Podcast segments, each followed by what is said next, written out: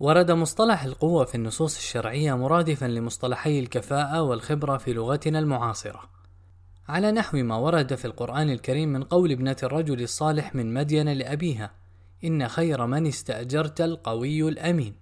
وقول النبي صلى الله عليه وسلم إن تؤمروا عمر تجدوه قويا أمينا. لا يخاف في الله لومة لائم، فالقوة تشمل كل الصفات الفطرية والمكتسبة التي تمكن متقلد المنصب العام من الاطلاع بمهمته على الوجه الأكمل والأصلح للأمة، بما في ذلك الخبرة السياسية والعسكرية والدبلوماسية، وتشمل هذه الصفات العلم والأهلية الجسدية، وقد وردت إشارة إلى هاتين الصفتين في قول يوسف عليه السلام إني حفيظ عليم. وفي وصف ملك بني إسرائيل من بعد موسى إن الله اصطفاه عليكم وزاده بسطة في العلم والجسم. وعد الماوردي من شروط الإمامة العدالة على شروطها الجامعة. والعلم المؤدي إلى الاجتهاد وسلامة الحواس من السمع والبصر واللسان ليصح معها مباشرة ما يدرك بها، وسلامة الأعضاء من نقص يمنع عن استيفاء الحركة وسرعة النهوض والرأي المفضي إلى سياسة الرعية وتدبير المصالح والشجاعة والنجدة المؤدية إلى حماية البيضة وجهاد العدو، وأغلبية هذه الشروط يشهد لها النص التشريعي لأنها إما صفات أخلاقية داخلة تحت مدلول الأمانة أو صفات عملية داخلة تحت مدلول القوة على أن العلم النظري لا يعني بالضرورة الجدارة السياسية وربما كان ذلك ما قصده هارون الرشيد إذ قال للأصمعي يا عبد الملك أنت أعلم منا ونحن أعقل منك.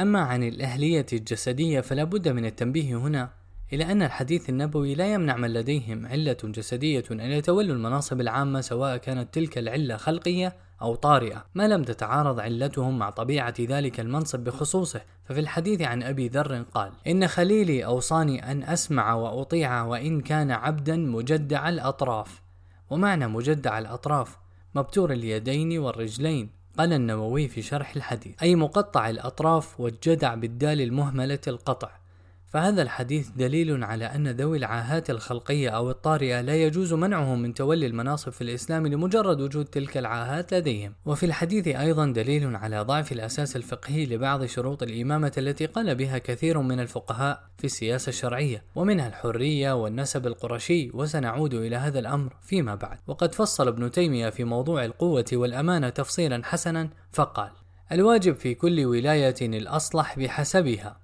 فإذا تعين رجلان أحدهما أعظم أمانة والآخر أعظم قوة قدم أنفعهما لتلك الولاية وأقلهما ضررا فيها. فيقدم في إمارة الحروب الرجل القوي الشجاع وإن كان فيه فجور على الرجل الضعيف العاجز وإن كان أمينا يكمل ابن تيمية. ويقول كما سئل الإمام أحمد عن الرجلين يكونان أميرين في الغزو وأحدهما قوي فاجر والآخر صالح ضعيف مع أيهما يغزى؟ فقال أما الفاجر القوي فقوته للمسلمين وفجوره على نفسه وأما الصالح الضعيف فصلاحه لنفسه وضعفه على المسلمين فيغزى مع القوي الفاجر. وقد قال النبي صلى الله عليه وسلم إن الله يؤيد هذا الدين بالرجل الفاجر. وروي بأقوام لا خلاق لهم وإن لم يكن فاجرا كان أولى بإمارة الحرب ممن هو أصلح منه في الدين إذا لم يسد مسده. ويختلف مفهوم القوة بمعنى الكفاءة العملية بحسب طبيعة المنصب، فهي في المناصب العسكرية الشجاعة والخبرة والتجربة العسكرية، وفي المناصب العلمية سعة الباع العلمي، وفي السفارات تكون الكفاءة في الخبرة بالبلاد وأهلها، وحسن المظهر ولطف الحديث إلى آخره، فالقوة مفهوم سياقي نسبي، فبعض المناصب لا بد لمتقلدها من خبرة فنية متخصصة ليتحقق فيها معنى القوة، وفي بعضها تكفي الفضائل الإنسانية العامة وهذا النمط من المناصب يكفي الحس السليم والعدالة والنزاهة لأدائها كما لاحظ روسو. وقد أدرك ابن تيمية نسبية القوة وتناسب نوعها مع نوع المنصب السياسي فكتب القوة في كل ولاية بحسبها فالقوة في إمارة الحرب ترجع إلى شجاعة القلب وإلى الخبرة بالحروب والخديعة فيها وإلى القدرة على أنواع القتال من رمي وطعن وضرب وركوب وكر وفر ونحو ذلك.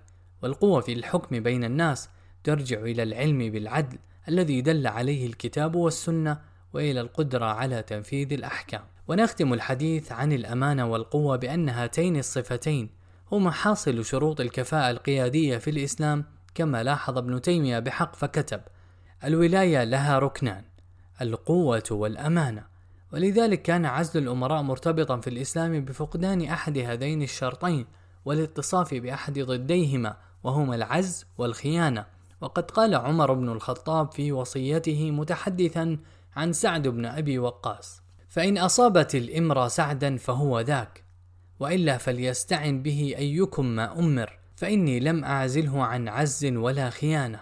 فكلام عمر هنا يدل على أن الأصل في عزل الأمير أن يكون مبنيا على اتصافه بالخيانة أو العز، أي بضد الأمانة والقوة. أما عزل عمر سعدا فكان لسبب ثالث سميناه المواءمة، وهي موضوع الفقرة التالية.